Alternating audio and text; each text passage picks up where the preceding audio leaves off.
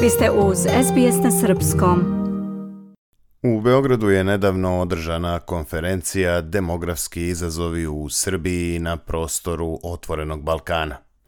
Na ovom skupu su predstavljeni rezultati istoimene studije ekonomiste Mihajla Gajića, urađene na osnovu projekcije Ujedinjenih nacija o kretanju broja stanovnika Srbije. Do kakvih je rezultata došla ova studija i preti li Srbiji ubrzani pad populacije, čućemo u izveštaju naše saradnice Mije Nikolić. Projekcije Ujedinjenih nacija na kojima se bazira ova studija upozoravaju da se u Srbiji do 2050. očekuje smanjenje broja stanovnika za 20%, odnosno na 5,78 miliona ljudi uz značajan pad broja onih radnog uzrasta. Očekivano trajanje života u Srbiji je čak 10 godina kraće u odnosu na razvijene zemlje, a naša država spada u 10 najstarijih država na planeti, kazao je na ovoj konferenciji viši naučni saradnik Instituta društvenih nauka Ivan Marinković i naglasio da mi, jednostavno rečeno, nemamo populaciju koja bi mogla da iznese demografski preporod nacije. Iako je prosečna starost stanovništva slična kao u Evropi, kod nas je narušena starostna struktura. Udeo žena u fertilnom periodu od 15 do 49 godina smanjen je za čak 400.000 u poslednjih 20 godina. Čak i da svaka žena u Srbiji rodi dovoljan broj dece neophodan za prostu reprodukciju stanovništva, Dr. Marinković ukazuje da je demografski preporod nacije teoretski i praktično nemoguć. Osim toga, brojke govore da žene na Balkanu, odnosno u Srbiji i Makedoniji, žive najkraće u Evropi, a muškarci starosne dobi od 50 do 64 godine imaju više stope smrtnosti nego muškarci u Švedskoj pre 60 godina, upozorio je Marinković na ovoj konferenciji koju je organizovalo udruženje Mame su zakon. Dr. Predrag Vasić sa Geografskog fakulteta je naveo da demografski pejzaž Srbije karakteriše činjenica da čak 40% stanovništva živi na 5 od 100 teritorije, uglavnom u Beogradu i Novom Sadu i nešto manje u Nišu i Kragujevcu, i istakao da će se interne migracije ka većim gradovima i depopulacija manjih gradova nastaviti i u budućnosti. Mihajlo Gajić, autor studije, izneo je zabrinjavajuće prognoze na osnovu aktuelnih demografskih projekcija za Srbiju, ali i niz mera koje država može da preduzme kako bi ublažila nepovoljne trendove. On ukazuje da će prema tim prognozama nedostatak radne snage već u kratkom roku postati ograničavajući faktor za razvoj naše privrede, dok bi starenje stanovništva moglo da dovede do rasta troškova zdravstvenog sistema od oko 50 miliona evra godišnje, a penzionog za 2% BDP-a do 2040. Bazni scenario Gajićeve studija na osnovu projekcija Ujedinjenih nacija kaže da bi broj zaposlenih u našoj zemlji već 2028. godine mogao da dostigne broj aktivnih lica na tržištu rada, odnosno onih koji mogu da rade. Teško je zamisliti da će se to zaista i desiti, pošto bi značilo da je stopa nezaposlenosti na nultom nivou, ali rezultat upućuje na zaključak da će stanje na tržištu rada postati usporavajući faktor za privredu koja neće moći da pronađe adekvatne kadrove. To bi takođe značilo i da bi se broj zaposlenih povećao za 136.000 do 2040 ali bi se kontingent radne snage smanjio za 191.000 ljudi, rekao je Gajić predstavljajući studiju. Naveo je da pronatalitetni programi primetno nisu dovoljni, čak ni u razvijenim zemljama koje onda pitanje nedostatka radne snage rešavaju uvozom radnika iz inostranstva, a često i sa naših prostora. A pošto se u Srbiji beleži niska stopa aktivacije radno sposobnog stanovništva ili uključivanja na tržište onih koji iz različitih razloga ne mogu da nađu posao, Gajić smatra da tu treba tražiti deo rešenja.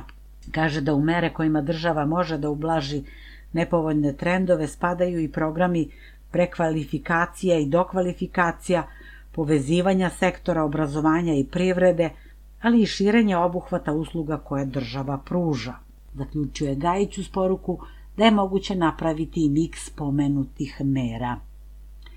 Predstavljanju studije demografski izazovi u Srbiji na prostoru Otvorenog Balkana prisustvovala je i ministarka za brigu o porodici i demografiju Darija Kisić koja je otvarajući konferenciju izjavila da materijalna davanja porodicama sa decom, zahvaljujući izmenama zakona, nikada nisu bila veća, ali da efekti te finansijske pomoći ne mogu da se vide odmah.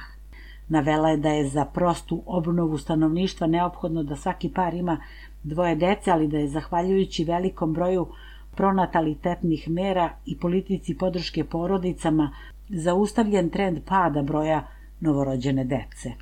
Kisić je pitanje poboljšanja demografske slike označila kao jedno od najvažnijih pitanja za Srbiju i navela da ministarstvo na čijem je čelu aktivno radi na pripremi tri strateška dokumenta o podsticanju rađanja, o reproduktivnom zdravlju i o aktivnom i zdravom starenju. S druge strane, regionalna kancelarija populacionog fonda Ujedinjenih nacija UNFPA saopštava da su decenije iseljavanja i niske stope fertiliteta dovele do toga da je u državama Istočne Evrope prisutan trend starenja i smanjenja broja stanovnika, a pokušaj vlada da ovo reše tako što će posticati rađanje, uglavnom su bili neuspešni.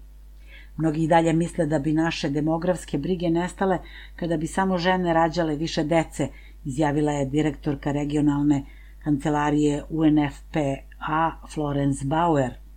U saopštenju ovog tela Ujedinjenih nacija se navodi da je veoma mala verovatnoća da će se to ostvariti jer nijedna država u Evropi nije uspela da dovede stope nataliteta ni blizu nivoa potrebnog da se zaustavi ili čak preokrene smanjenje broja stanovnika. Države mogu doći u bolji položaj da prevaziđu demografske izazove sa kojima se suočavaju kroz jačanje rodne ravnopravnosti, a ne kroz ograničavanje prava žena, ako bi se njihova uloga prvenstveno definisala njihovim udelom u rađanju i brizi o deci. Pozitivni efekti rodne ravnopravnosti za privrede i društva su dobro poznati i dokumentovani, a Svetska banka procenjuje da bi premošćavanje rodnog jaza u oblasti radne snage dovelo do prosečnog rasta bruto domaćeg proizvoda po glavi stanovnika od skoro 20%. Države mogu učiniti puno toga da unaprede rodnu ravnopravnost i ojačaju svoju demografsku otpornost, navodi se u saopštenju i dodaje da se to može učiniti merama od uvođenja porodičnih politika na korist oba pola do borbe protiv rodno zasnovanog nasilja, od brisanja društvenih normi kojima se ženama pridaje manja vrednost do pružanja pomoći kompanijama u reformi diskriminatornih poslovnih politika. A ministarka Darija Kisić često u svojim obraćanjima iznosi stavove e, i svoje lične i vlade Srbije koji osim saglasnosti sa smernicama UNFPA imaju i neka drugačija gledanja. Svesni smo činjenice da izazovi staranja populacije i promena demografske strukture zahtevaju sveobuhvatan pristup, izjavila je ona onomad na regionalnoj konferenciji o stanovništvu i razvoju u Ženevi, a na ovoj prošlonedeljnoj konferenciji u Beogradu je međutim govorila o dobroj strani starenja. Staranje populacije je delom poželjan fenomen, pošto govori o produžetku životnog veka i pokazatelje socioekonomskog stanja u zemlji i efikasnosti zdravstvenog sistema koji ulaže značajna sredstva za prevenciju, tretmane i poboljšanje kvaliteta života, izjavila je Kisić. A prošlogodišnji popis stanovništva pokazao je da je prosečna starost naših građana 43,8 godina i u odnosu na popis iz 2011. prosečna starost stanovništva Srbije povećana je za jednu i po godinu. Broj starih uveliko premašuje broj dece. Svaka sedma osoba u Srbiji je dete, a svaka peta ima više od 65 godina.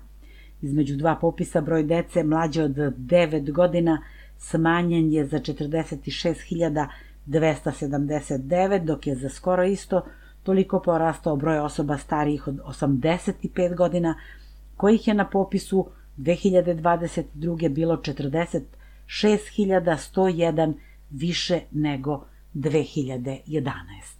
Bila je to naša saradnica iz Srbije Mija Nikolić. Vi slušate SBS program na srpskom. Ostanite uz nas. Želite da čujete još priča poput ove? Slušajte nas na Apple Podcast, Google Podcast, Spotify ili odakle god slušate podcast.